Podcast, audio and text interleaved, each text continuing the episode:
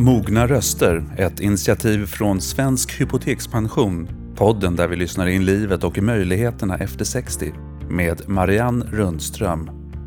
Hej och välkomna! Våren är här och de mogna rösterna i Hypotekspensionspodd har blivit ännu lite mognare och klokare och fler. Vi har otaliga vi vill prata med och så mycket erfarenhet och möjligheter de har att dela med sig av.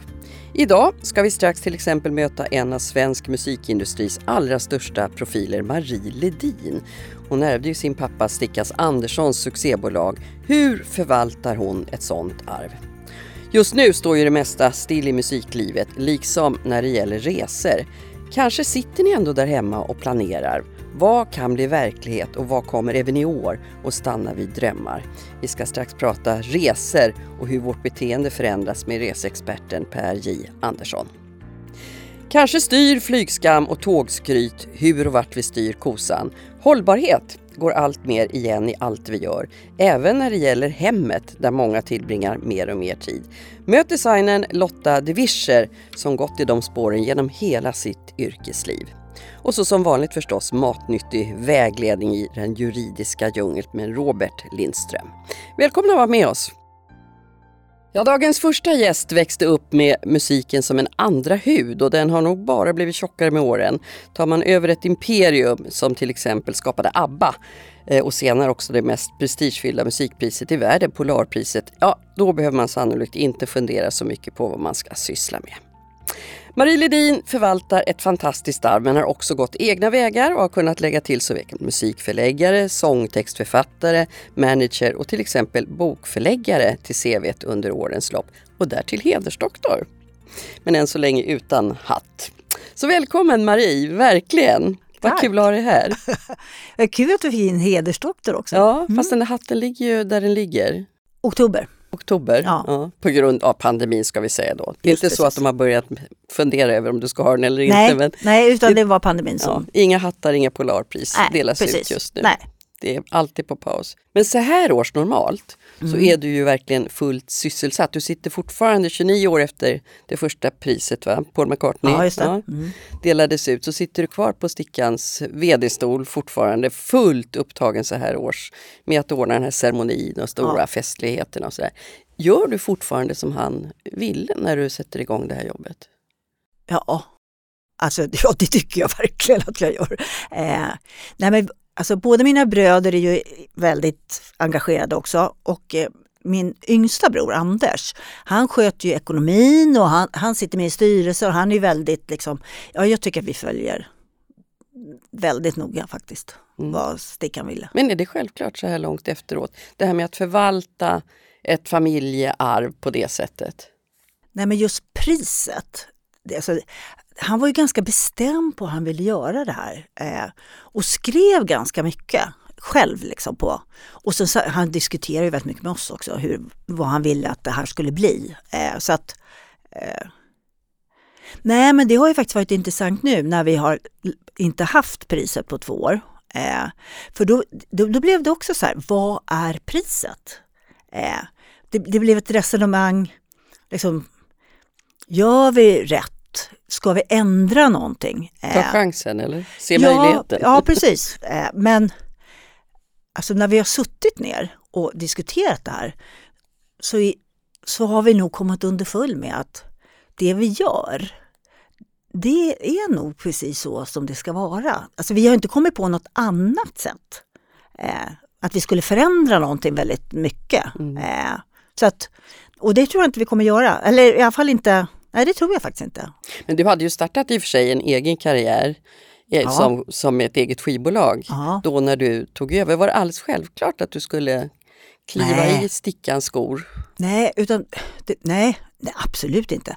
Alltså dels var det så här, han sålde ju eh, sitt bolag. Eh, och det var ju vi barn väldigt måna om att han skulle göra. För vi sa att alltså, vi vet ju inte vad det här är. Vi, vi vill inte ta över. Eh, alla vi tre barn gör andra saker. Eh, så att det var rätt självklart för oss att du ska sälja stickan. Liksom, för vi har ingen aning om vad det är. Eh, men det, han fick ju sjukt mycket pengar. Det var ju otroligt mycket pengar. Men så här i efterhand så var det ju för lite. För att ABBA har ju gått igenom en enorm, alltså det, det bara fortsätter och fortsätter. Ja. Det är fantastiskt. Men när, när man ändå tar över ett sånt här imperium, många kan ju tänka så här, vilken räkmacka att bara glida på. Men det är ju också ett väldigt ansvar. Att förvalta någonting som har gått så succéartat bra. Ja, men alltså jag har ju bara Polarpriset. Universal Polydo, Polygram var det som köpte eh, Sweden Music och Polar Musik. Eh, och det är de som förvaltar liksom hela katalogen. Eh, det gör ju inte vi. Vi, är inte inblandade i det Mm. Överhuvudtaget. Polarpriset är ju ingen liten del längre. Du Nej, ju det är det inte. Det har ju blivit större och större. Och det, och, men det är ju väldigt roligt. Eh, och just att vi försöker ha med stickan liksom, in i rummet när vi gör det så att, liksom, eh, så att liksom, pristagarna ska liksom, förstå. Och vi, ska, ja, vi försöker ta in honom helt Men enkelt. kan inte det också kännas begränsande? Att, att det finns en ande som svävar på det sättet att du kanske skulle ta ut svängarna på ett helt annat sätt annars. Han gick ju så mycket sina egna vägar.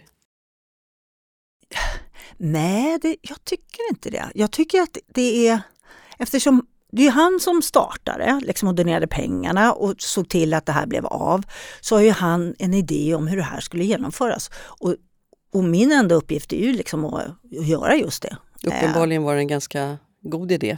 Ja, jag, tror, jag tycker att det, jag måste säga, jag förstod nog inte riktigt då när han startade upp det där 92. Eh, liksom, jag var så, gud, vad är Alltså jag, jag var väldigt skeptisk.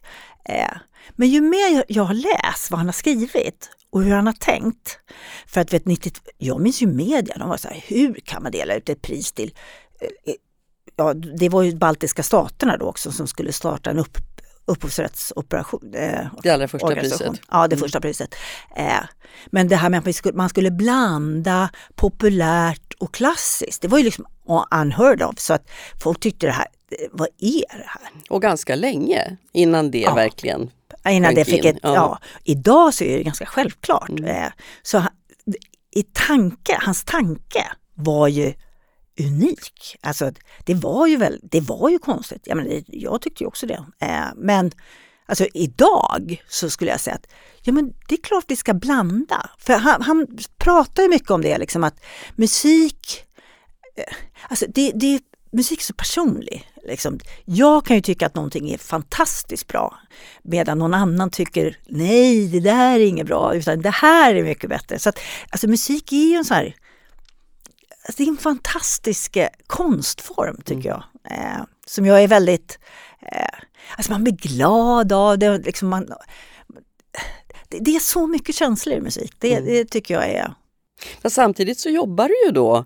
Alltså du har ju musik omkring dig jämt, jämt, jämt. På jobbet, hemma, du är gift med Thomas Ledin. Alltså det musik finns alltid i ditt liv. Finns det någon, någon nackdel med det där att det som är ens passion också blir yrkeslivet? Nej, det tror jag inte. Alltså nu tycker jag att jag lyssnar mycket mindre på musik än vad jag gjorde kanske för bara tio år sedan. Eh, Varför det? nej men alltså, nej, jag jobbar ju inte så nu. Alltså, förut så jobbade jag ju med artister och musik och då var, det- och, och då var det ju liksom, man jobbar med sin passion i livet. Eh, nu, nu jobbar jag på ett annat sätt. För nu jobbar jag ju liksom med, jag får ju av våran prisnämnd reda på vilka som ska bli pristagare. Och då, då blir det liksom, mitt jobb är ju då att sätta mig in i pristagarna. Vad är, vad är det de, eh, vilka är de? Eh, eh, alltså det är ett helt annat angreppssätt på, eh, på en, alltså en pristagare. Jag, jag jobbar helt annorlunda liksom. Med artister så kände jag ju alla och liksom och mitt jobb var ju då att vara väldigt uppmuntrande liksom och, och försöka liksom Ja, att det Mm. skulle gå så bra som möjligt.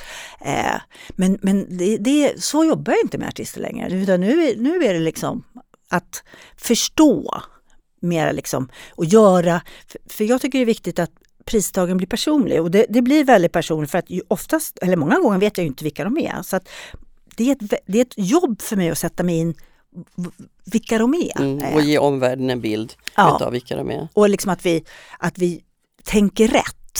Eh, och, och det tror jag, För, för vi har sagt det liksom att det är min uppgift är ju liksom att få pristagarna att känna sig otroligt bekväma och att de tycker att det här är det roligaste de har varit med om. typ. Eh, alltså, och, och jag tycker liksom det viktigaste som vi ska göra det är att de får de bästa dagarna i sitt liv Mm. när de är här i Stockholm. Det är Eh, lite som Nobelpristagarna faktiskt, alltså att det blir ett Ja. sånt enormt kalas. Ja, Och de får se så mycket roligt och träffa så mycket roliga människor och det är så mycket fester. ja. Eh, men det är ju alltså, de, de är ju, de flesta pristagare är så otroligt tacksamma och glada och tycker att det är fantastiskt. Eh, och, det är ju, ja men det, och det är det ju, det är ju jättekul att liksom sitta och och möta en människa och prata om musik eller andra saker. Liksom. Jag vet att Sting sa det. Alltså jag har varit på så många sådana här tillställningar eh, och får alltid äta kall kyckling. Och liksom, han var så glad över att det var fantastisk mat, han blev överraskad. Han visst, de vet ju oftast inte det här med att hur vi hyllar dem. Så de är ju så här, och det där är, i min låt och vilken, vilken bra version. De, de, de, är, de blir väldigt, väldigt glada. Jag tänkte bara, det här med din son då som är Grammis-nominerad för en, en musikvideo. Mm. Påverkar de din musiksmak? Den yngre generationen? Ja, det gör För alltså det som är kul, det är ju, att då skickar de, alltså min yngsta son, han skickar låtar till mig. Ja, men det här kommer du gilla. Och han- han har ju rätt. Eh, Så att ja, så jag lär mig mycket eh, utav ungarna. Det gör jag Mm. absolut. Och vad skiljer er åt då, generationsmässigt? När det gäller musiken? Nej men alltså det konstiga idag, alltså musiken på 60-talet, det var ju en revolt. Alltså Beatles och man skulle inte vara långhårig och Elvis Presley och ja, eh, det, var, det, var, det var ju liksom något alltså revolutionerande. Det är ju inte musik idag. Alltså det är ju inte, i alla fall inte på samma sätt. Mm. Eh, utan idag så är det ju, man lyssnar ju liksom ganska mycket på samma musik, tror jag, i generation. Alltså en 30 och en 60-åring lyssnar på ungefär samma sak. Mm. Fast jag tänker att det var ju ändå ganska många höjda ögonbryn när Metallica fick Polarpriset för några år sedan.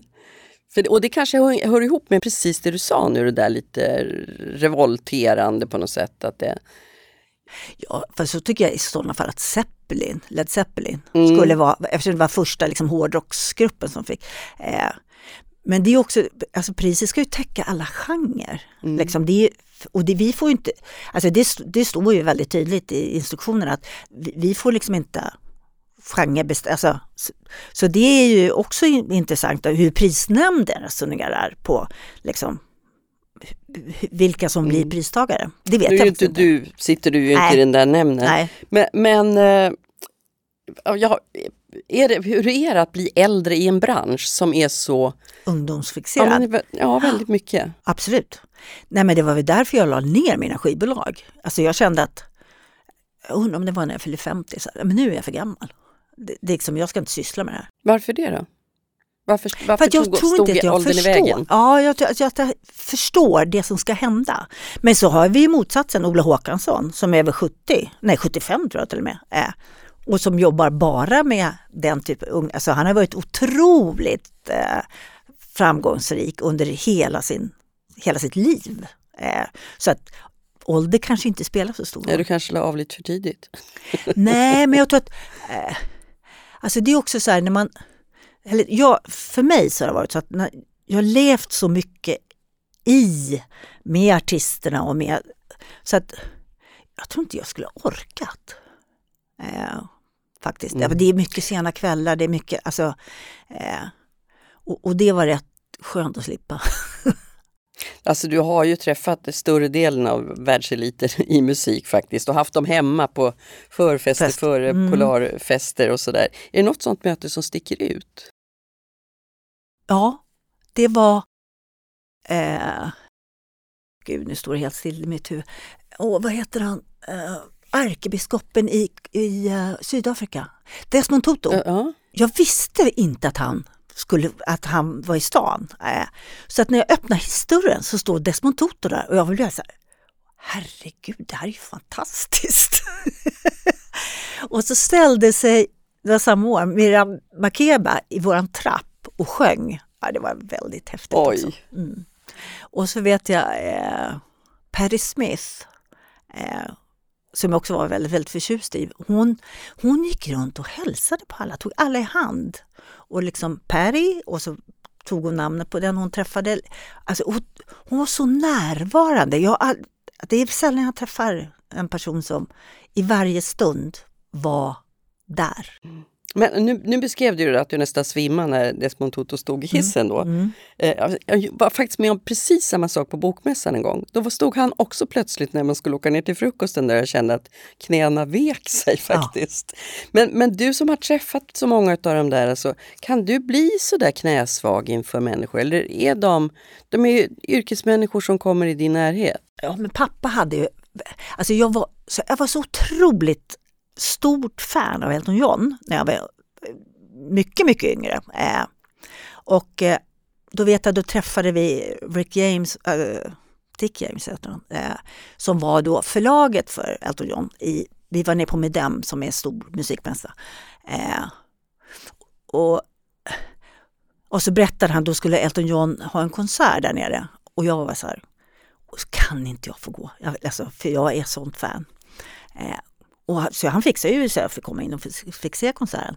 Men då sa pappa att Marie, alltså Elton John är, han är precis som vi andra. Det är inget speciellt med honom. Eh, han har en talang som är fantastisk. Men som människa, så han, han var väldigt noga mm. med det. Att, eh, du ska inte liksom värdera människor alltifrån att de, om de är kända eller inte. Så att det där har jag nog burit med mig. Nej, så jag är inte, jag, men jag blir väldigt så här, Desmond Tutu, absolut. Alltså, andra typer utav människor, alltså andra yrkesgrupper mm. eh, är jag väldigt, eh, jag har, ja, väldigt respekt för. Tusen tack för att du kom till oss. Tack Vad härligt snälla. att träffa dig. Ja, tack. Ja, det finns så mycket man kan längta efter just nu. Festligheter, levande musik, möten med människor. För många står kanske just resor högst på önskelistan. Sommar och semestertider hör för många verkligen ihop med att förflytta sig, uppleva nytt och drömma sig bort lite från vardagen. Det blev tvärstopp för ett drygt år sedan men kanske har vi hittat nya vanor, nya sätt att få resenerven nöjd och glad. Har våra resevanor förändrats varaktigt och var och hur kan vi resa den här kommande sommaren? Du är så välkommen Per J Andersson från eh, resemagasinet Vagabond och du är också författare. Och du kom också faktiskt tidigare i år med boken Ta tåget. Tack! Som är både författare och också grundare till resetidningen eller mm. resemagasinet Vagabond. Mm, en av. En, en av, av flera ja. var vi. Mm. Hur mycket har du rest i år då? Du som eh, har det här som yrke. Ja, om vi tar i år då så har jag faktiskt gjort en resa. Eh, ja, det var många månader under pandemin när jag inte reste alls av, av samma skäl som alla andra. Men så bokade jag en resa för att jag håller på med ett projekt att skriva om öar och eh, så bokade jag en resa i tron att i mars så är pandemin över. Men det var den inte, men jag gjorde ändå resan. Så det blev en utlandsresa. Mm. Vågar du prata högt om det då? Ja, precis. Jag, jag, skrev en krönika om det eh, inför resan att eh, efter flygskam och så, så kom det här med resskam. Att det var liksom skamligt i stort sett att överhuvudtaget bete sig så. Eh, men eh, jo, jag vågade. Jag la ut några bilder på Instagram trots allt. Mm. Men, eh, ser man annars i, i sociala medier. Det ja. finns nästan inga bilder på folk Nej. som är på annan ort längre. Nej. Men du, jag tänker just vår målgrupp här i eh, Mogna röster är ju människor som reser väldigt mycket. 60 plus är jätte, alltså det är nästan ett av de största intressena och många bor också periodvis ofta söderöver framför allt. Då. Eh, hur, hur tror du att vi har påverkats under den här långa avstängningstiden, ett och ett halvt år? Ja. börjar det röra sig mot? Det är svårt att säga. Å ena sidan så tror jag att ingen människa så att säga mår jättedåligt av att inte resa utomlands. Man kan må dåligt av att vara isolerad i hemmet eh, och inte komma iväg och träffa andra människor och brist på social samvaro. Det tror jag man kan må dåligt av. Men själva utlandsresandet i sig kanske inte man mår dåligt av. Eh, och man kan ju faktiskt resa i Sverige och göra liksom, ja, spännande resor här. Så det tror jag många har gjort så att säga.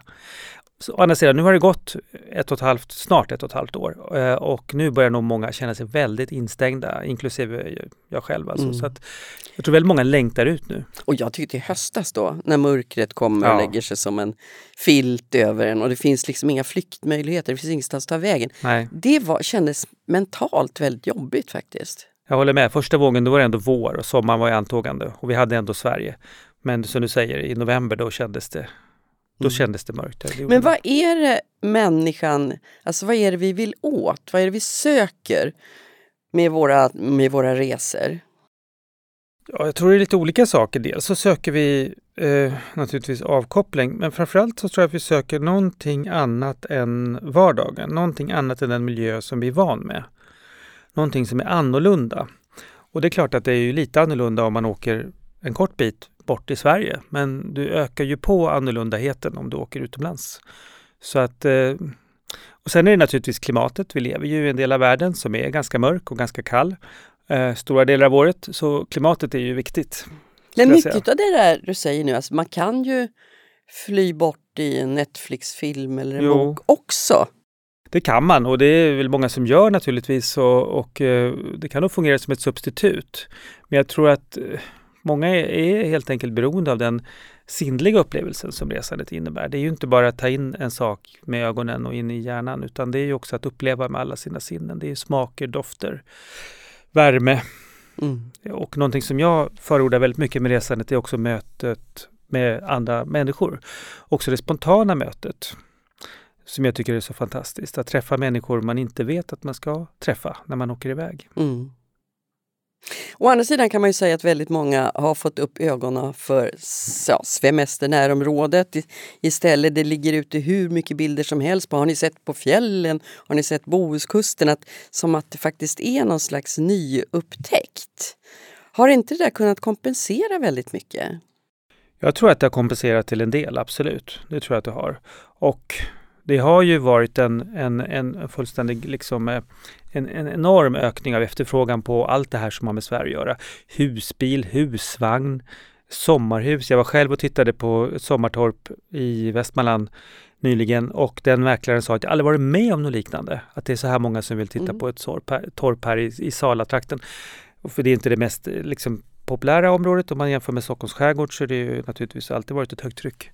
Eh, och plus då att, eh, att göra olika resor runt om i Sverige. Så att ja, jo. Men är det där här för att stanna? För jag tänker när du säger köpa torp i, Mm. i Salatrakten. Ja, Då satsar man väl lite mer än nästa sommar och sen är pandemin över?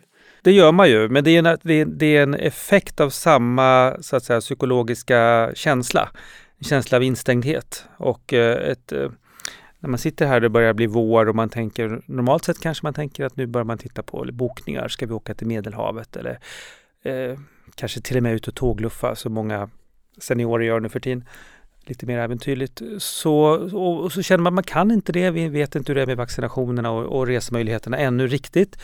Och då kan ett sommartorp eller sommarstuga Mm. vara ett alternativ. Någonting man... Men då handlar det kanske också om lite förändrade beteenden. Jag tänker på att jag har gjort det faktiskt ofta i min egen, jag bor i Stockholm, min Mm. egen stad. Att jag ger mig ut som turist Mm. i min egen stad. Ja, det är en jättebra idé. Och vad man ser mycket nytt, Mm. grejer jag har gått förbi liksom tusentals gånger och aldrig tänkt på. Mm. Att man, man öppnar ögonen på något sätt kanske för hela vårt land då. Ja men så är det ju. För att i, i vår vardag så har vi en tendens att bli väldigt avtrubbade för att vi kan ju inte ta in alla intryck när vi går där varje dag. Och då fungerar ju vi hjärnan så att men då slutar man ta in. Du vet kanske inte ens vad butiken som ligger bredvid porten där du bor het är för något. Alltså, jag tänkte på det idag när jag gick in på min arbetsplats i Gamla stan. Vad heter det här galleriet bredvid? Jag har aldrig tänkt på liksom. Jag har gått där hundra gånger liksom. ja. Det är så märkligt. Men så det du säger då, det är ju faktiskt någonting fantastiskt man kan göra. Det man brukar kalla för beginners mind eller barnets sätt att se på saker. Jaha. Att liksom försöka försätta sig i den känslan som automatiskt slås på när vi kommer till en ny plats, framförallt utomlands. Mm. Alltså då blir vi jätteuppmärksamma. Vi känner oj, en ny doft. Oj, titta där vad solen lyser fint på fasaden. Oj, vilka blommor sådär. Vi ser allting eftersom det är nytt. Och det gör vi inte lika mycket här hemma, men man kan tror jag träna sig till och slå på den där beginners Mm. mind. Det kanske vi har gjort i år då. Ja, lite grann. Närområdet har blivit liksom Mm. sett, betraktat med nya ögon. Mm. Du sa att eh, seniorer reser mycket med tågluffa och sånt där var du inne på alldeles nyss. Vad är, alltså, det är ett sånt jätteintresse hos 60 plus att resa, att flytta på så kanske har man bättre möjligheter, både tid och pengar än tidigare i livet. Men hur reser de? Vad, vad är just den här målgruppens absoluta önskemål? Ja, vad ska, jag ska, alltså min eh, analys av de data jag har sett är ju att, att en gång i tiden kanske man tänkte att eh, seniorer, pensionärer, äldre människor, de reser på ett väldigt tryggt sätt. De köper bara paketresor och, och liksom buss, bussresa till Italien som min mormor åkte på en gång i tiden på, på 60-70-talet.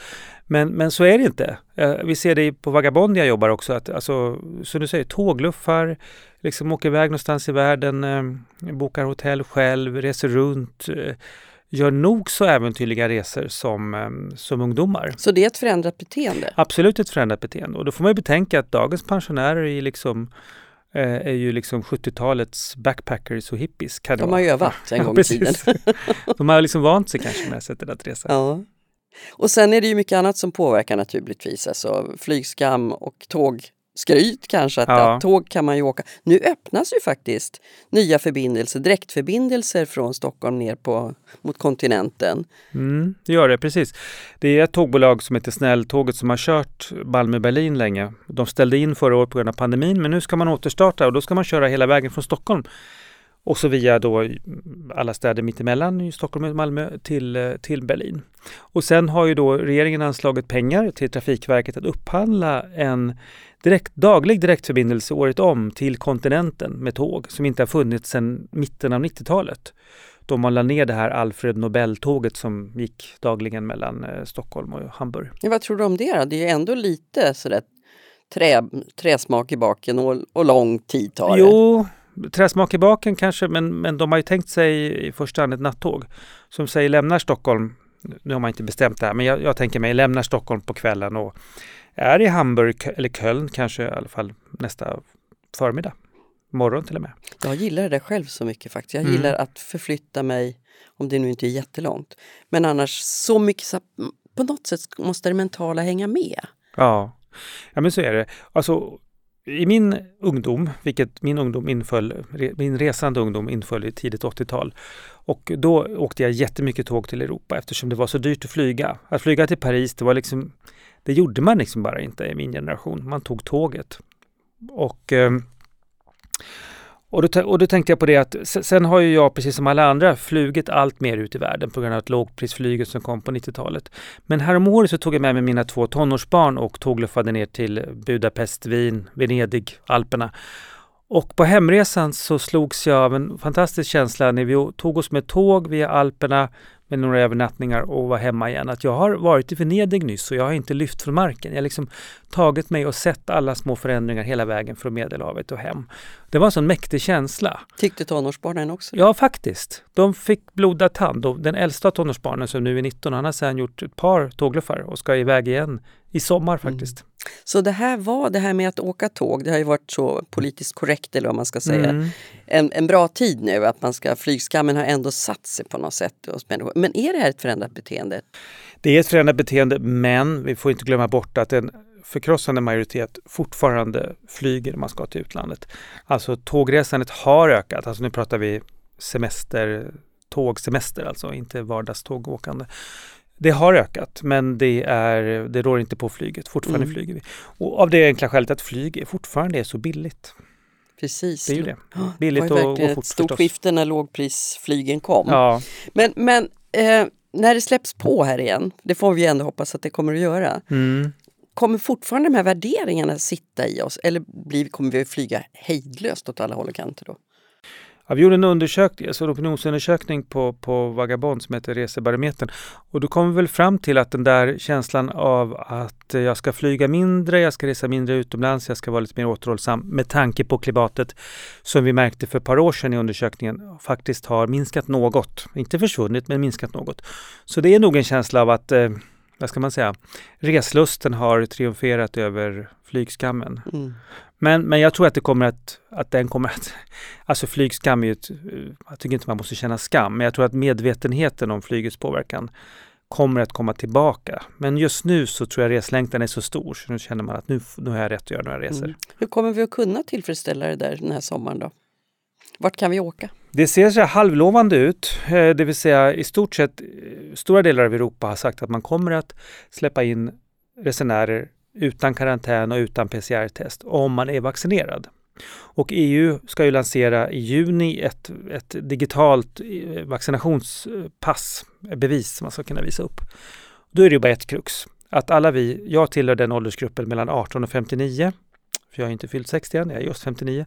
Eh, vi har ju ännu inte blivit vaccinerade. Och när, när kommer vi att bli vaccinerade? Det är det som är frågan. Eh, mm. Fått våra två sprutor. Mm. Kanske kommer det till juli, augusti. Å andra sidan så säger de att de här passen går lite fortare än vad man hade trott faktiskt. Det är sant, så mm. nu kanske det går undan. Så att om vi hinner bli vaccinerade eh, alla som vill resa, ja är man 60 plus har man ju, kommer man ju hinna skulle jag säga. Um, så att, så att då, då finns det goda förutsättningar. Alla, alltså, ta de här länderna, Kroatien, Grekland, Italien, Spanien, Portugal de, de står ju med öppna famnen nu alltså mm. och försöker underlätta och göra det enkelt mm. för oss att komma dit. Mm. De behöver oss ja. väl också. Men just Spanien är väl ett av de absolut populäraste resmålen tidigare. Ja, Thailand, Bangkok. Ja, nej, framförallt Spanien skulle jag säga. Men kommer de där att ligga, har det förändrats vart vi söker oss, vart vi vill? Nej, som det ser ut nu när man tittar på vilk, vad bokar folk resor just nu då, så ligger Spanien i topp. Som man gjorde innan pandemin också. Mm. Eh, när det gäller alltså semesterresor till utlandet. Så Men jag... tolkar jag dig rätt nu Per, att, att du tror på att folk kommer att kunna röra sig mycket mer över, utanför nationsgränsen den här sommaren? Ja, det, det, det är så som planen ser ut. Om ingenting dramatiskt händer, det vill säga det kommer en, en enorm fjärde våg, så kommer det att bli så, det skulle jag säga. Mm. Ja, för vaccinationsbevisen kommer vara på plats i juni. Länderna kommer att släppa in vaccinerade.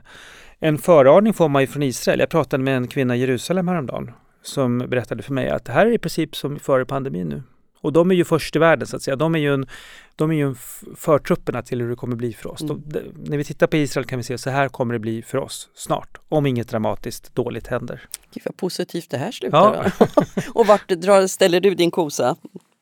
Jag ska när du kan välja? Jag håller ju på med ett projekt där jag ska skriva om öar runt om i världen. Så jag har nu bokat en resa i juli till, eh, till Grekland på ett öluffa.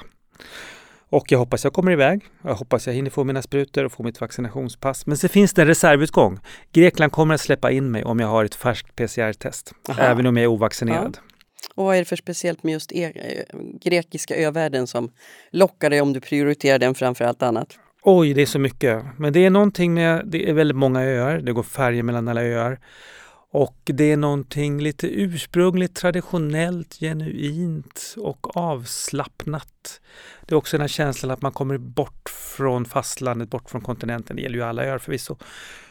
Men också att Grekland har behållit mycket av, alltså är man på de här mindre öarna, man bort, tar bort Rhodos, Kreta, Korfu, de här största öarna, så, så är det också, det finns ju liksom inga stora hus, det är bara små vitkalkade hus, i alla fall i de här ögruppen som kallas Kykladerna. Och ja, det är någonting fantastiskt med stämningen, atmosfären. Ett riktigt restips Faktiskt. till slut. Ja. Tusen tack för att du kom. Tack. Jag blev så sugen att resa nu. Ja. tack bra. snälla. Vad bra, tack. Svensk hypotekspension uppmärksammar möjligheterna och livet efter 60. Vi lyssnar på landets mogna röster. Ja, vi ska resa hållbart. Hållbarheten är verkligen något som går igen i allt på 2020-talet. Och nu ska vi ägna oss åt slow design, ett begrepp som många nog går bet på, men inte efter att ha mött designchefen Lotta de Vischer här i Mogna Röster. Lotta startade för snart 20 år sedan inredningsföretaget Mace smarta, ofta lekfulla möbler där återvunnet material tas tillvara. Och sedan dess har det förstås hänt mycket med hållbarheten under de här, ja det är 20 år och mycket i ditt eget liv också. Väldigt välkommen hit! Tack så mycket! Mm. Du har efter 60 nu lämnat över VD-stolen ja. och växlat in på nya spår. Ja. Kul att ha dig här! Tack! Ja. Kul att vara här! Jag tänker mm. inredning och eh, hur vi har det där hemma. Tror du att det har blivit viktigare under det här året som har Absolut. gått? Absolut! Hur märks det? Dels för försäljningssiffror så är det ju eh, det är många eh, som jobbar med inredning på olika sätt där, där siffrorna har gått uppåt.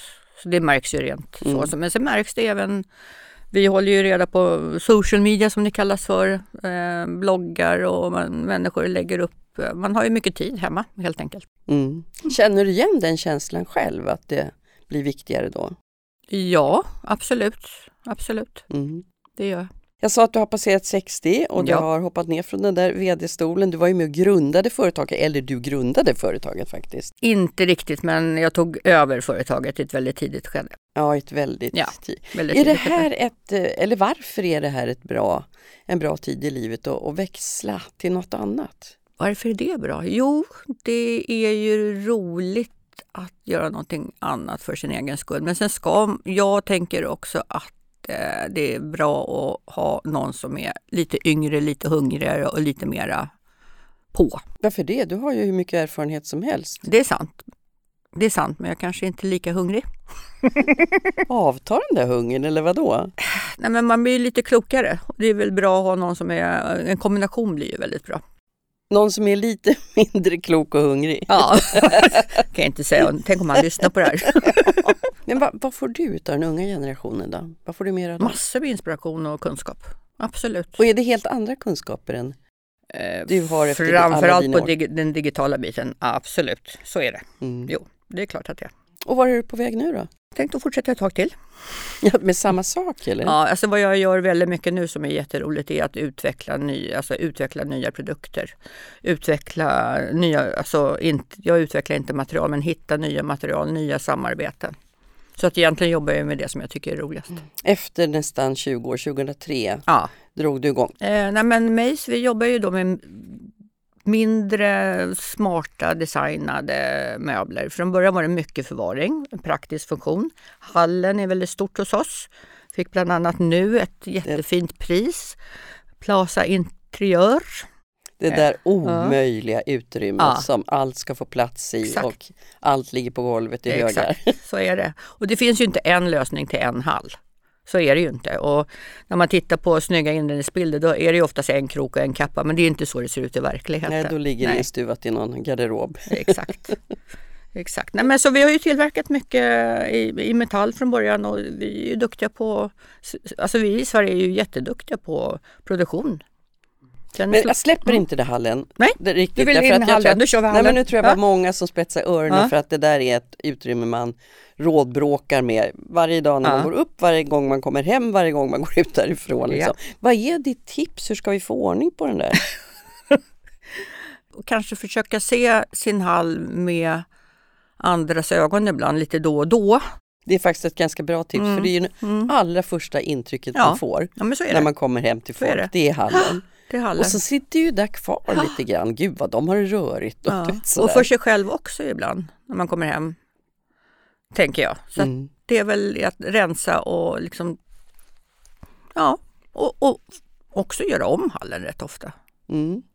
Det kan man väl göra. Man kan ju måla om väggen. Man kan ju göra små grejer. Det blir det lite Mm. förnyelse som känns härligt också. Använder man dina produkter då blir det hållbart av bara farten. Ja, Och nu är ju hållbarhetstänket, det kommer in i de flesta människors medvetande Ja. idag, men när du började måste det ha varit annorlunda. Hur har du själv påverkats under de här 20 åren som har gått med företaget? jättemycket.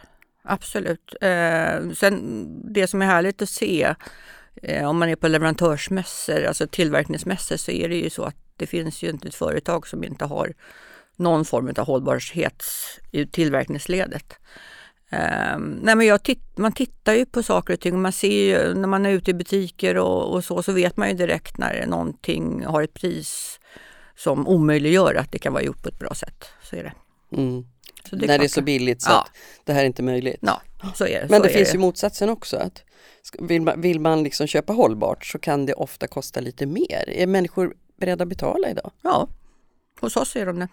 Vi ser det, vi har en målgrupp. Absolut. Sen har jag all respekt för att, att man kanske inte har en, en plånbok som möjliggör, men då, det är många som köper second hand idag. Det är väl jättebra. Mm. Det blocket, det är, det är en stor rörelse så att, och det kommer ju bara fortsätta. Det handlar om eh, inga långa transporter förstås, Mm. lokal produktion var du inne på alldeles nyss själv och återvinning. Nu tänker kanske många, gud vad präktigt och tråkigt det där måste bli. Men så har du ett ledord, lekfullhet. Mm. Hur märks det i, i produktionen? I produktionen, ja i designen märks det ju. Men Mm. eh, det märks på kontoret för vi har rätt kul.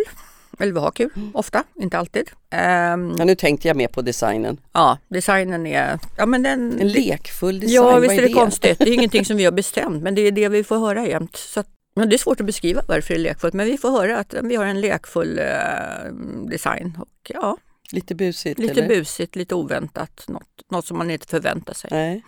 Annars är ju Mm. det där alltså Hållbarhet är ju inte alltid någonting som syns i, i, på produkten. Jag tänker, jag står precis på grepp själv, nu måste jag köpa en ny soffa och den ska man väl ha Mm. resten av livet. Hur, hur ska jag tänka när jag ska köpa en hållbar soffa? Du ska ju prata med dem som du ska köpa soffan av. Dels tyget, typas, men man kan ju klä om, men det som är viktigt vad det gäller soffor det är ju framförallt vad som är i soffan. Skummet, det är jätteviktigt. får du fråga. Ska det inte vara dunet?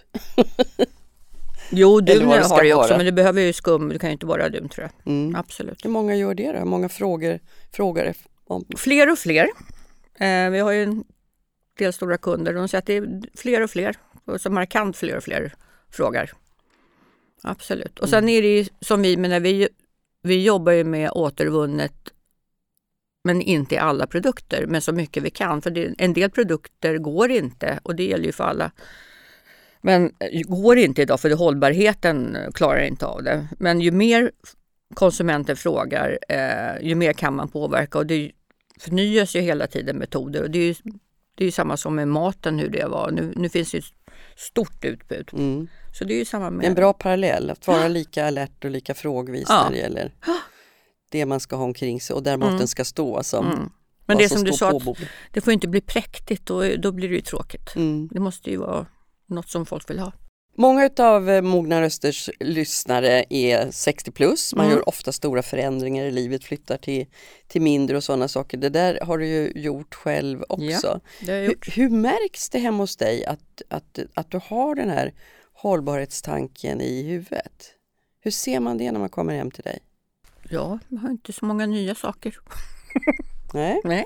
Jag har en hel del base-produkter förstås. Annars tänker man ju att en designer har det senaste och flådigaste och, av allt. Det är nog inte alltid så.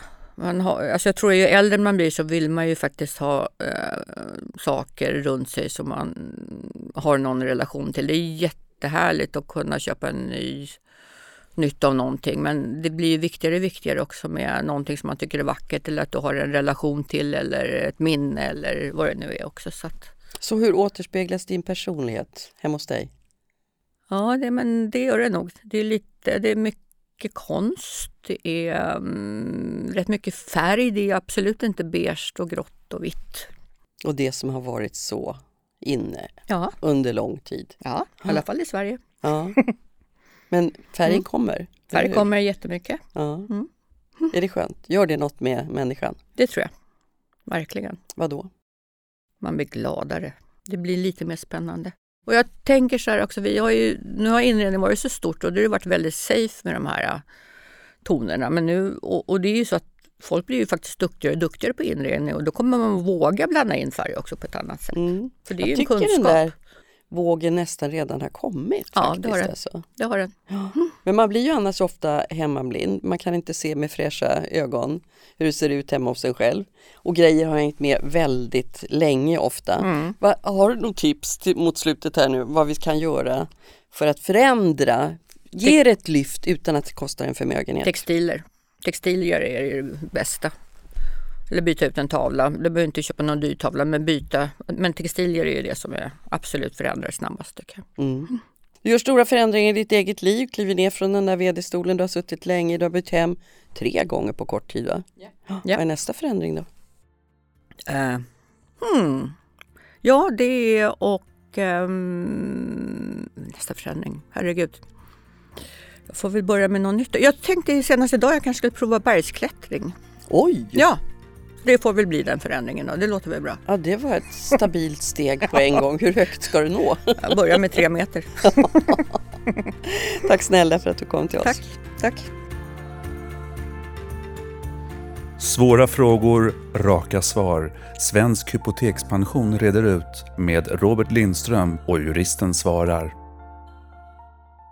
Säg hej, välkommen Robert. Tack! Nu ska vi rätta ut några frågetecken igen i det juridiska, svårgenomträngliga landskapet. Ja, Du, det är ju inte ovanligt att äldre människor inleder nya relationer och det har hänt Anitas pappa som vi nu ska prata om nu. Hennes mamma dog för åtta år sedan och sen har pappan träffat en ny kvinna. Eh, han hade ärvt allt efter mamman eh, och nu undrar Anita vad som händer med hennes arv, hennes mors arv så att säga. När pappan går bort. Kanske ska börja i den änden att hon inte fick ut något morsarv eller är det, det kanske till och med är vanligast? Ja, alltså om det är så här att vi har två personer som är gifta, som bara har gemensamma barn och de inte har något testamente, då sker det per automatik så att den efterlevande maken eller makan då ärver allting efter den första avlidna.